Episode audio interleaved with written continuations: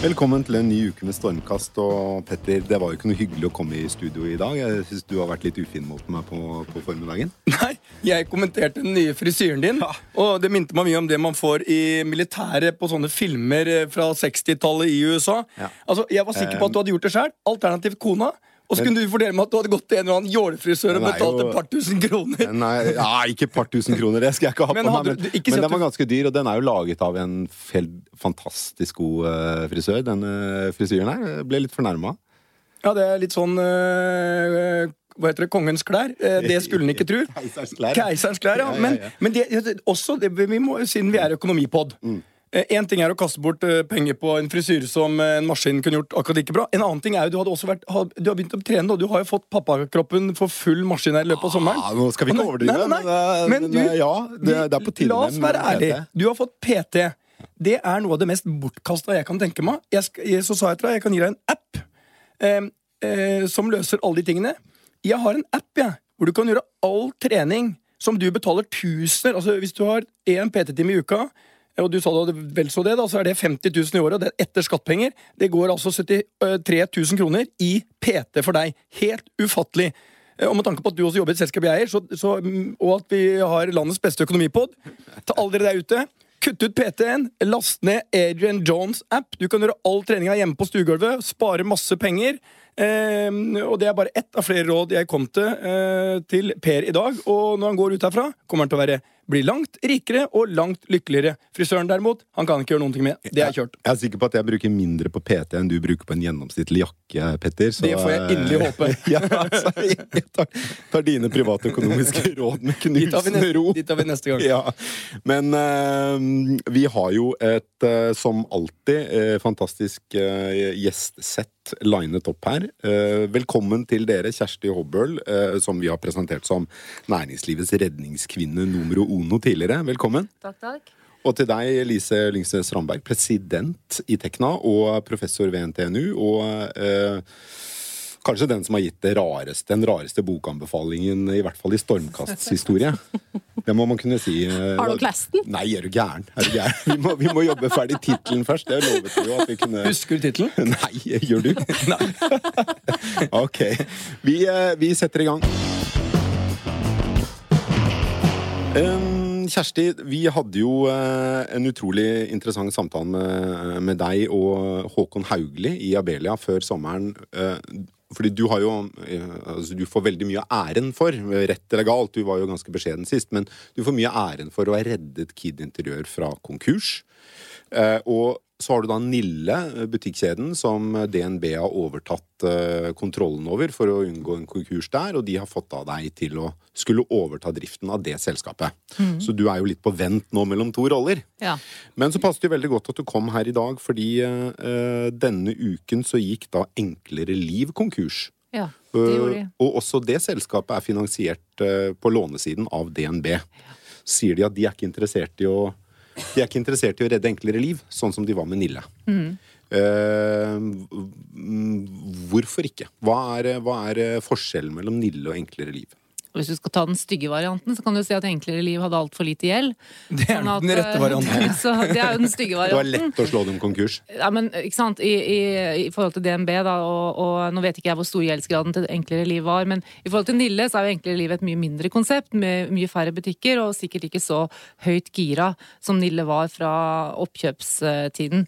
Men, men det som nok har vært det viktigste eh, grunnen til at banken ikke går inn i Enklere liv, er at de aldri har tjent penger i Norge. Det har Nille gjort. Det som gikk feil i Nille-satsingen, i hovedsak, var jo Sverige-satsingen, som dro Det er jo en kjent sak. Norske retail-konsepter som prøver seg i utlandet. Det går veldig, veldig, veldig sjelden bra.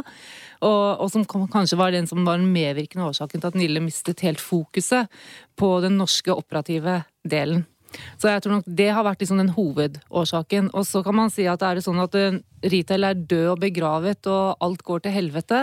Jeg tror ikke det, men jeg tror at du må være ganske god hvis du skal ha livets rett videre fremover. Og det er veldig kort vei mellom suksess og fiasko. Den blir kortere og kortere. Og hvis du avviker fra det konseptet du har, fra det du prøver å være, altså enten du må være i high end, eller så må du være i lavpris. Og hvis du er stuck in the middle, så tror jeg du da har du ikke livets rett lenger. Og så må du kunne utvikle konseptet ditt til å bli noe genuint, noe eget. Du må ha en egenverdi. Noen som Kid har kun egne merkevarer, eier butikkjeden selv, eh, dundrer fram med sine egne ting og bare konseptualiserer, utvikler og har innovasjon fortløpende i sortimentet. Hvis ikke du klarer det, så, så tror jeg ikke du er noe for noen lenger, og du blir valgt bort. Det sies jo at Enklere liv glemte litt hvem de var, og at de liksom ikke har noen sånn tydelig kjernemålgruppe. Jeg, vet, jeg forbinder Enklere liv med sånne ja, fotbad for eldre og den type produkter da, som egner seg for pensjonister i stor grad. Og det var jo det de slo seg fram med, med som ting som skulle gjøre hverdagen enklere. ikke sant? Med eh, sånn du åpner bokser med, og kniver som du kunne skjære med selv om du hadde vondt i hendene, og disse fotmassasjene. Men hvor mange sånne trenger du i Norge, da? Hvor mange hjem er det som skal fylles med det? Og når du da sklir på konseptet ditt og blir mer og mer lik en liten Claes Olsson, så er det kanskje ikke noe poeng å gå inn der. Og når du da etablerer deg i kjøpesentre med høye mm, bokostnader, og så må du ha en viss topplinjevekst hele tiden. Og det som tar de fleste over tid, er jo at du ikke får like for like vekst. Ikke sant? Du klarer ikke å, Kostnadene kommer og tar deg bakfra. Så ja. Jeg tror det her var egentlig en varslet eh, Det var ikke noe overraskende at dette her skjedde. Men, men altså, det er jo en ting her også som er, som er en del av en større trend. Og det er jo egentlig digitaliseringa. Og um, endringa fra mer nasjonale, lokale marked til globale marked.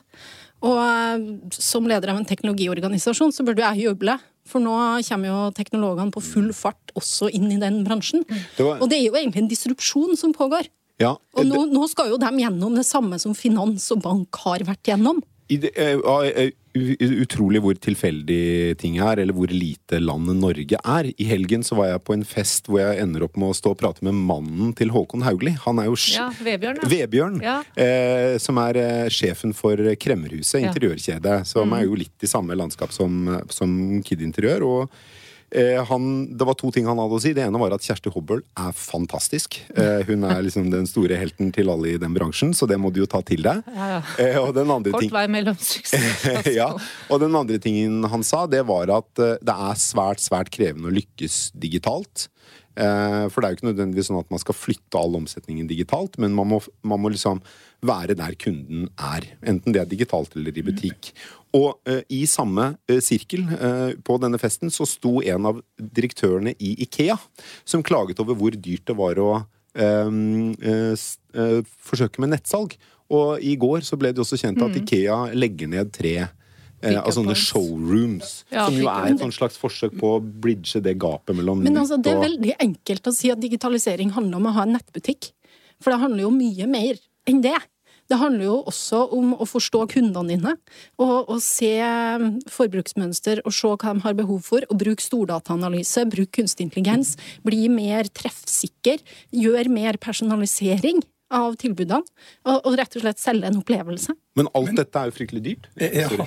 det er fryktelig dyrt. Og jeg er litt tilhenger av å gjøre ting enkelt. Analysen eh, til Kjersti er klokkeren. Eh, Nille har vel et par tusen ansatte. Eh, omtrent ti ganger så stor i antall ansatte eh, som Enklere Liv. Eh, Enklere Liv hadde 20 millioner i lån. Eh, da jeg sier sånn, er, det, det er så lite for banken at jeg tipper utgiften til eh, smørbrød på kundemøter er større i DNB enn engasjementet i enkle Liv. Så det er Så- litt sånn at det, åh, vi Eh, orker Nei, dette og, gidder nei, vi nei, det er mer enn det. Idet de går inn, og hvis de skal ta ansvar, så må de plassere juleordre, alt sammen. Dette koster masse penger. Mm. Noen må løse ut leverandørgjelda, som sannsynligvis er resten av det, som var på 60-70 millioner. Da øker bankens engasjement kraftig. Så her gjør banken en riktig vurdering. Mm. Ja, Men, DNB sa jo det, unnskyld Petter, bare skyte inn det at DNB sa jo det at uh, skulle vi fortsatt å gi enklere liv eh, et liv, så måtte vi uh, gjøre juleinnkjøpet nå. Ja, og da ville det pådratt oss en ganske det- stor i- uh, utgift. ja, og det er bare en del av det. Idet en bank går inn, så må de også betale de 250 ansatte. De må også betale de leverandørene som ligger der. Så engasjementet hadde blitt fem ganger så stort i løpet av før du hadde fått sagt kransekake. Så det er den ene delen. Den andre delen er nettet er ikke løsning på alt. Altså, det, nå, alle snakker nå om nettet, og det går enormt med penger inn der. Hvis ikke du har orden på butikken, for å si det sånn, så kan du glemme nettet. Få orden på butikken først. Så til én ting som og man ikke skal undervurdere. Det er Kjersti er igjen innom et lille. Hun sier kjøpesentrene. Jeg tror tiden for øh, den, den enorme kjøpesenterveksten vi så for noen år siden, den er definitivt over. For, og mange nummer to-sentrene kommer til å slite. De kommer til å få større ledighet, de også. Og det er Det der å åpne butikker er kostbart. Og veldig mange gjør feilen at de glemmer å se på hvor tjener vi penger. Hvis jeg hadde gått inn i Enkeltliv og gjort noen analyser, så er jeg sikker på at det er 20% av butikkene som står for nesten hele den positive resultatet. Og så er det 80% av butikkene de i realiteten taper penger på. Jeg tror, og de skulle også gjøre nettet. Altså, De skulle både på nett, og så hadde de ikke orden på butikkene hadde, og forandra litt på konseptet sitt. Gjør altså det vi kaller kardinalfeilene. Og det vi glemmer, den sommeren vi har hatt nå, sikkert merket Nille også, har vært så bra og tilsvarende drita dårlig for butikk. For folk gidder ikke å handle når det er så varmt. De gidder ikke å gå inn i kjøpesentrene. Så jeg tror mange har slitt med likviditeten gjennom sommeren. Jeg vet ikke om dere har Altså, vi har jo lagt fram Q2-resultatene i, i KID, ikke sant? Og, og det vi merket var jo at Eller jeg kan bare ta meg selv da, som et godt eksempel. Jeg er et vanlig menneske i Norge. Jeg var ikke inne Ah, i stua ikke helt vanlig. Jo, jo, jo. Eh, Jeg var ikke inne i stua mi fra mai, fordi da ble det fint. Da går vi nordmenn ut, går ikke Mm. inn og sitter inne. Og det, hva skjedde da hos oss i KID? Jo, ingen kjøpte gardiner, pledd, pynteputer, ingenting. Fordi vi er ute og griller og spiser god mat og drikker altfor mye god vin og koser oss. Og det skal vi gjøre òg i dette kalde landet. Men nå kommer høsten, nå er det crispy i lufta, nå skjer det noe, nå koker det litt mer på disse kjøpesentrene igjen. For det er ikke sånn at folk ikke vil gå ut og møte andre mennesker og ha en opplevelse, men de vil ha en opplevelse. Så vi må tilby dem noe mer når du kommer inn i butikken, enn bare å line opp noe masse varer. Du må fortelle en historie, du må ha et konsept. Og det er det jeg mener som kommer til å skille de som vinnerne og taperne, sammen med den digitale utviklingen. Fordi vi preshopper på nettet før vi går ut og handler. Eh, antall besøkende nå skal jeg bare si en ting til, antall besøkende på kjøpesenteret de synker hele tiden. Men de som kommer, de handler mer. Fordi de har mer bestemt atferd. Vi gidder ikke gå tur på kjøpesenter lenger, men vi vet hva vi skal ha. Jeg har sjekka ut på nettet, jeg har kanskje click and collect, så jeg bare kan gå og Ja, hente det. vet hva prisen er. Jeg vet hva prisen er, jeg vet tilbudene, hu og hei. Så Men Kjersti, handel er ikke dødt. Et, en ting som også du kan forklare alle lytterne våre. Det mange ikke forstår, det er også hvis du mister 20% av omsetningen din, så vil nesten flertallet av butikker tape penger. Ja. Og det, altså når jeg prøvde å forklare det til noen, sa at hvis du liksom omsetter for 100 kroner, og det faller til 80, så mister du lønnsomheten din. Mm. Nei, men, det er jo bare, ja, men sånn, det er detaljhandel.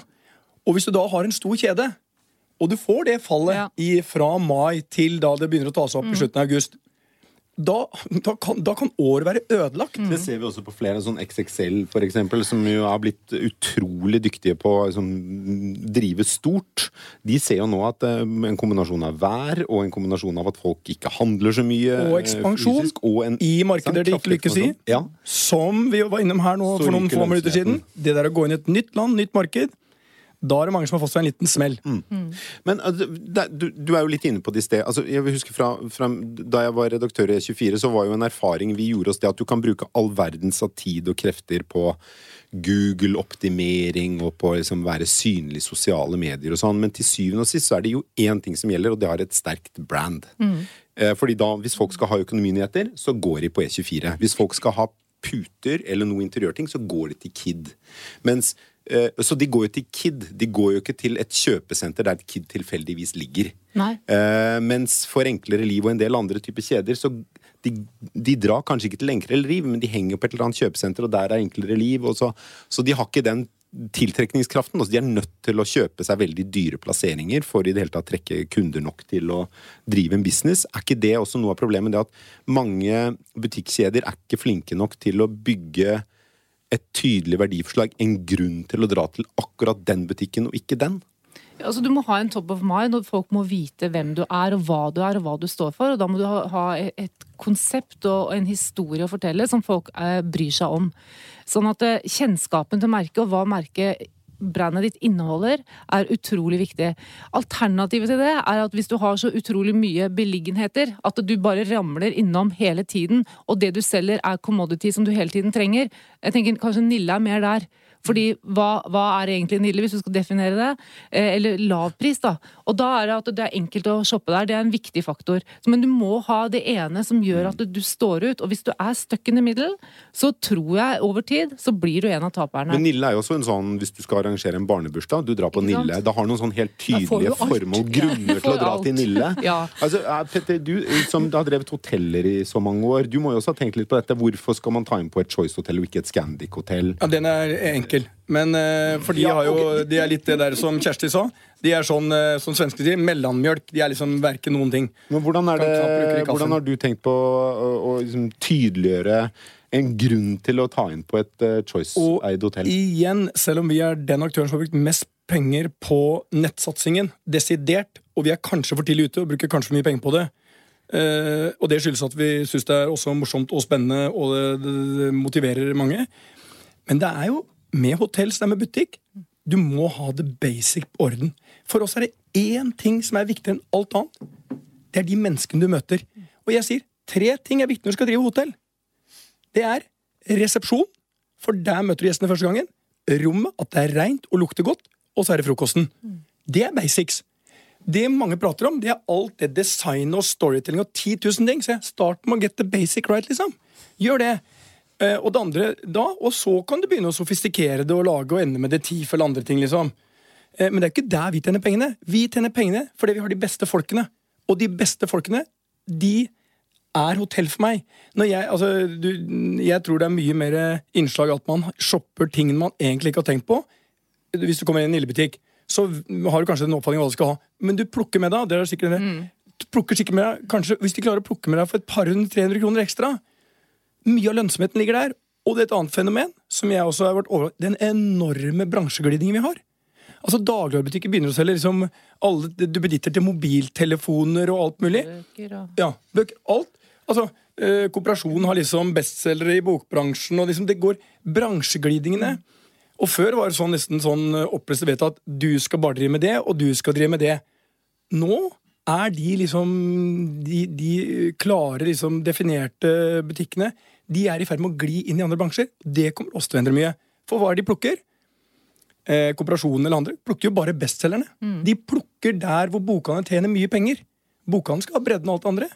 Det er, så detaljhandel er komplisert. Hotell er komplisert. Men det må starte med at du må ha liksom eh, de grunnleggende tingene på plass. Eh, et av problemene også til Enklere liv sier jo innom det, er jo at de hadde sannsynligvis en altfor stor administrasjon. Altfor mye overheadskostnader. Og det er ett sted du ikke tjener én krone, ja. på hovedkontoret. Det er det eneste sikre. Men altså, det er jo alltid sånn. Du må jo ha, som du sier, det basics i orden. Altså må du ha domenekunnskap, uansett hvilket uh, område du skal inn på. Hva betyr det, Altså at du, liksom? kan, at du kan faget i det området du skal inn i. Om, Domenekunnskap. ja, om det er handel eller hotell eller oljebransjen eller eh, eh, hva som helst annet, så må du kan den bransjen.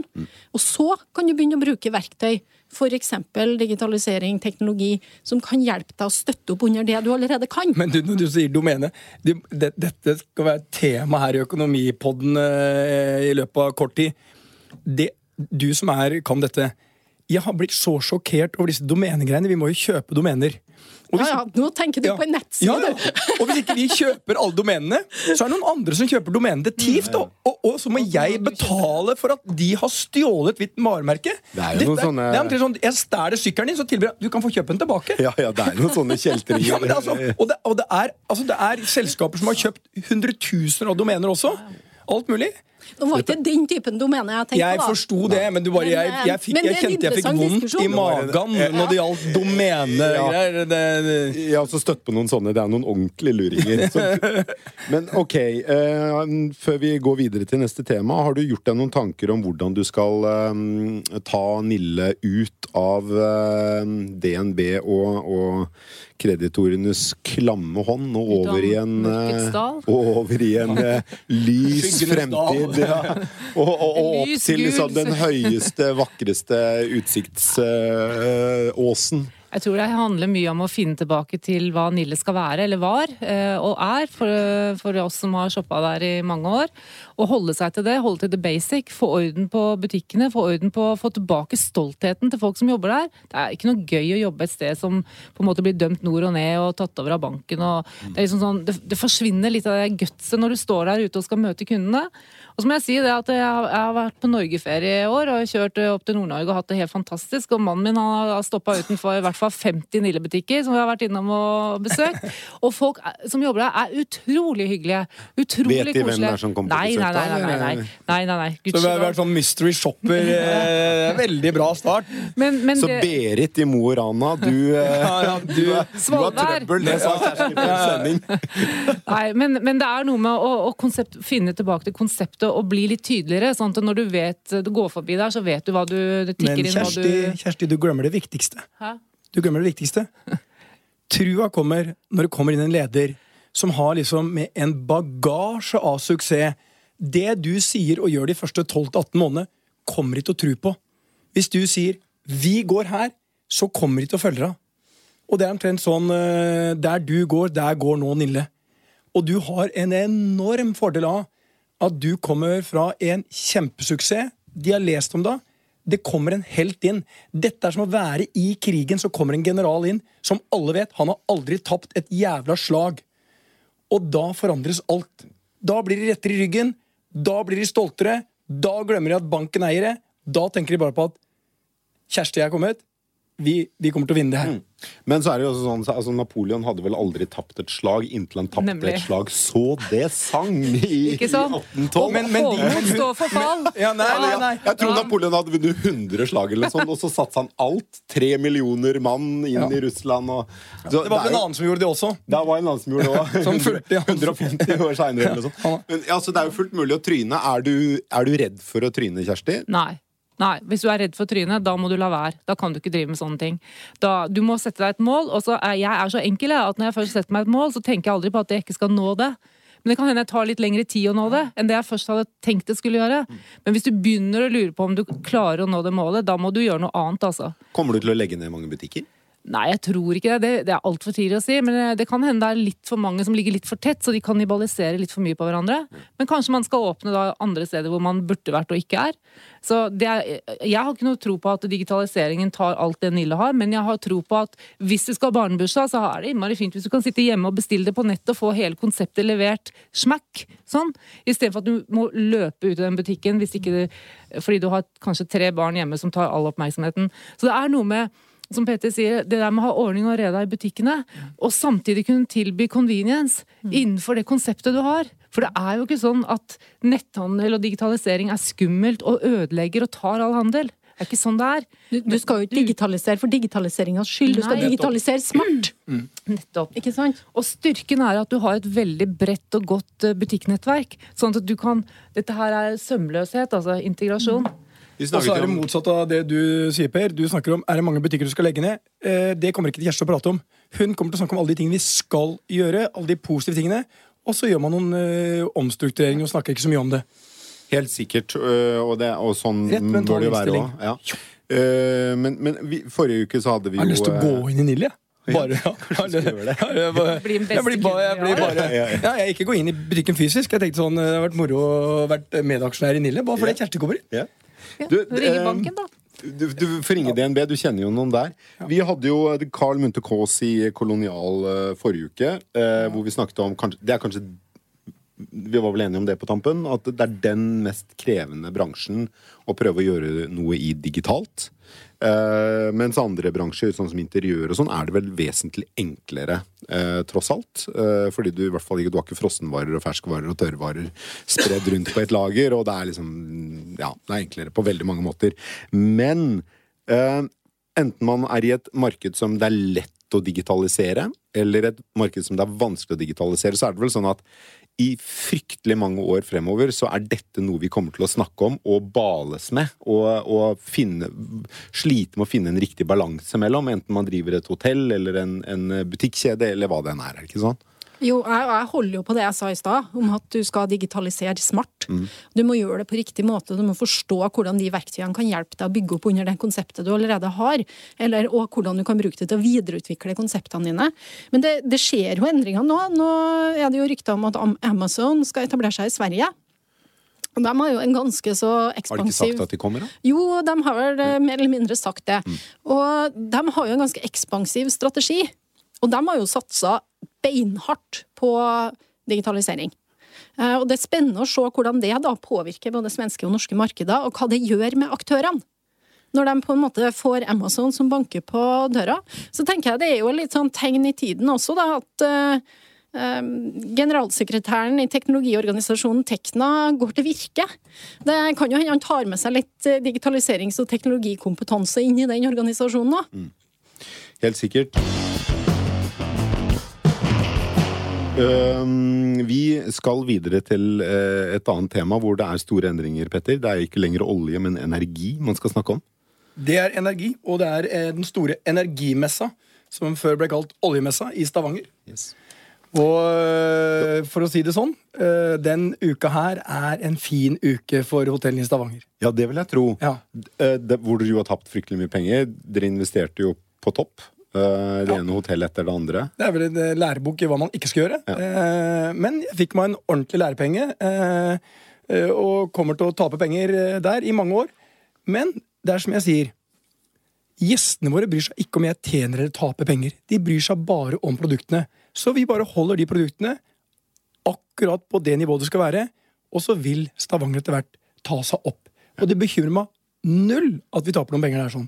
Men det, ok jeg, Men derfor, og vi er på oljemessa. Vi er på oljemessa, Fullt trøkk. Nå er energi, nei, energimessa.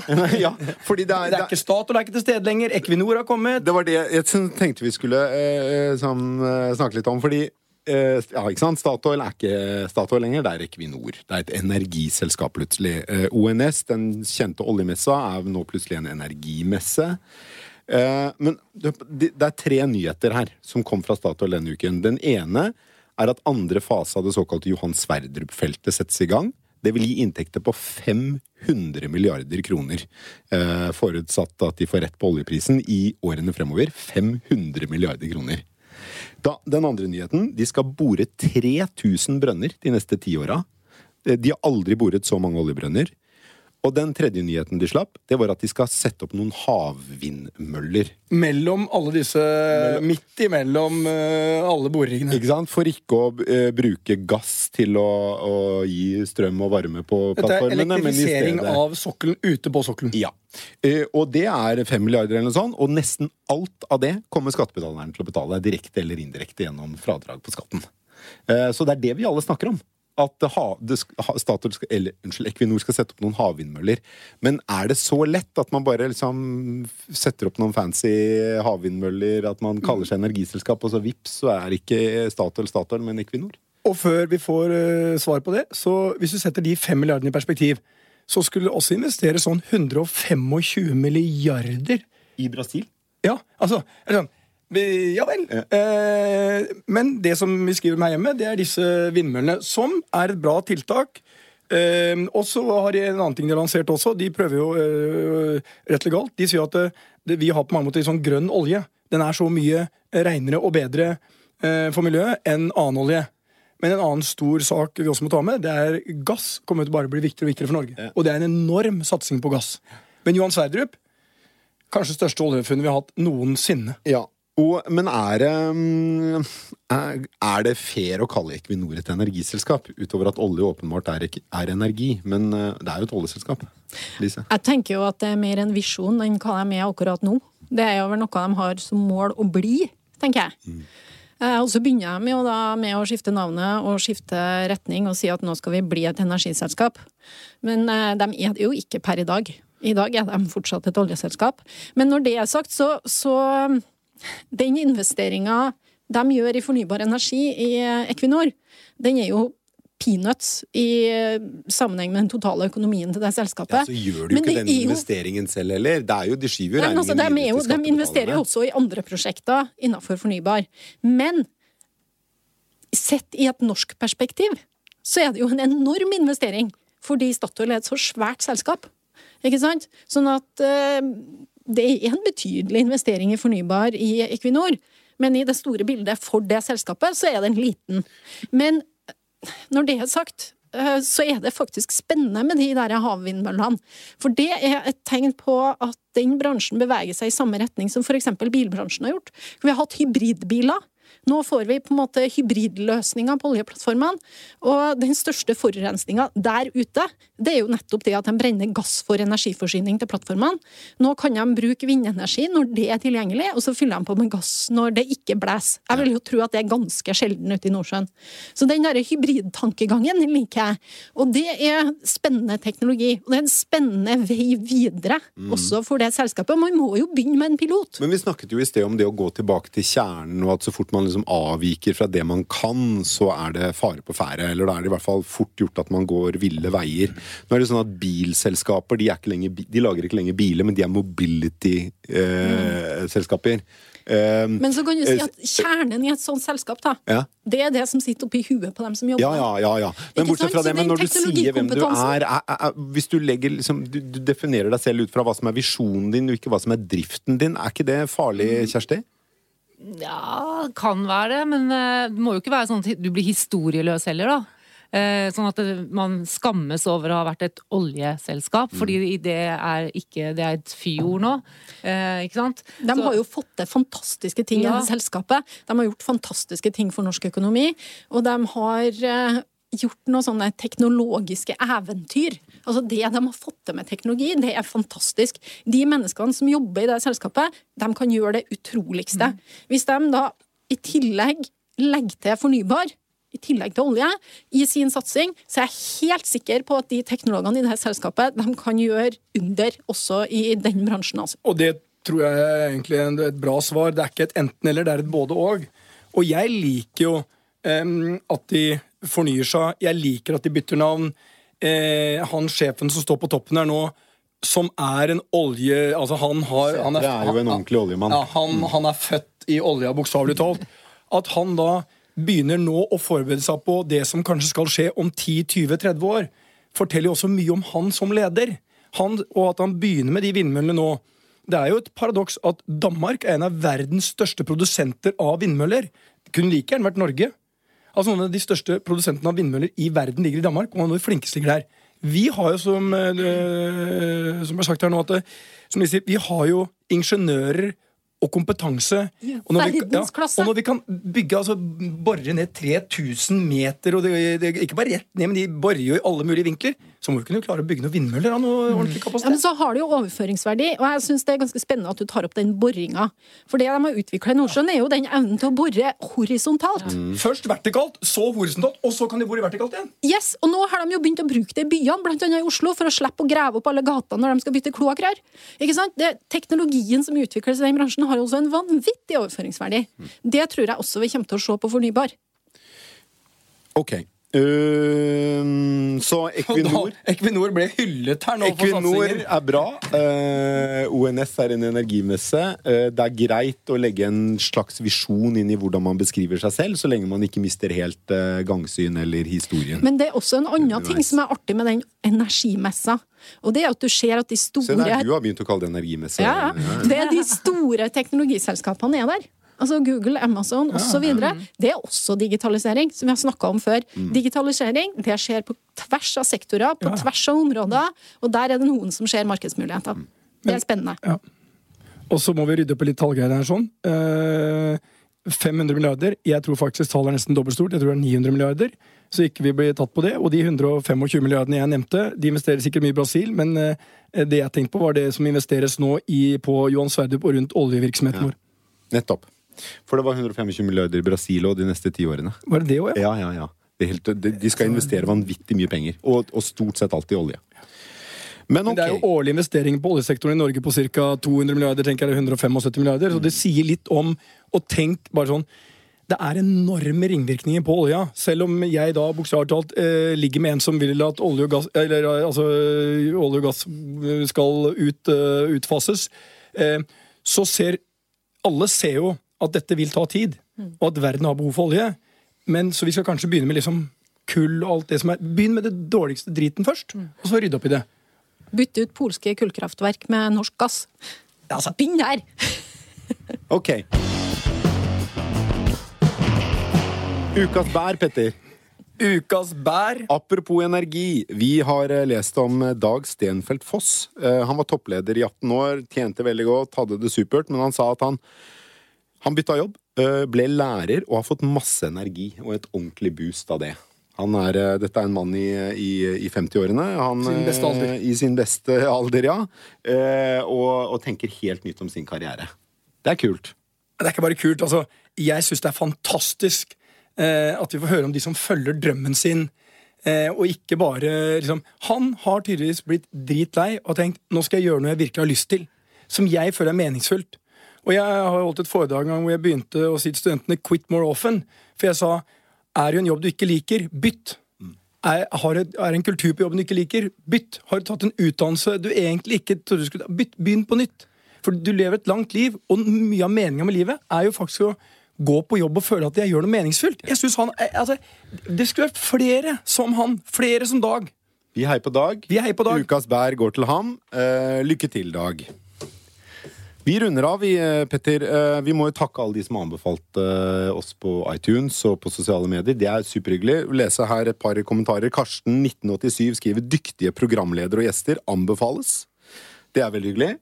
Kjell Martin han sier at det er ekstrem feelgood-faktor i studio. Noen ganger rett og slett for mye. Litt sånn Radio 1 eller P4 på en fredagsmorgen. Jeg syns det er et kjempekompliment. Jeg hørte på P4 i dag. Ja, ja. Kjell Martin mener ikke sånn, tror jeg, men det er veldig hyggelig å få tilbakemeldinger. Og så er det Stig Ove som sier hun DNB-dama var veldig flink. Da tenker han garantert på Benedicte Skilbred Fasmer forrige uke. Ja. Kjempebra. Eh, Han sier at eh, håper hun brukes mer, lærte mer på den timen enn en dobbel forelesning på masteren på NHH. Og det er jo veldig bra, da. Ja, det Ja. Altså, og vi tar alle sånne ting rett inn og koser oss med det yeah. helt til neste sending. Vi er i ferd med å lage et masterprogram, vi nå, Petter. Eh, og ben, ja, Benedicte kommer tilbake. Hun er en del av, eh, av stallen vår. Akkurat som dere to eh, fantastiske gjester er. Kjersti Hobøl i Kid Interiør, snart Nille. Og Lise Lyngsnes Ramberg i Tekna og NTNU. Tusen takk skal dere ha. Um, Truls Johansen har produsert sendingen. Og så er det sånn at eh, eieren av uh, podkaststudio Perplex, som vi leier, eh, eh, Morten eh, han ble far eh, for noen dager siden, så vi måtte gratulere Morten også. Morten, det er viktig. Flere skal gjøre som deg. Vi trenger å få opp produksjonen av barn i dette landet her. Sånn. Så han gjør en innsats på mer enn ett område. Han tar en for laget. Ja. Tusen takk skal dere ha, så høres vi neste uke.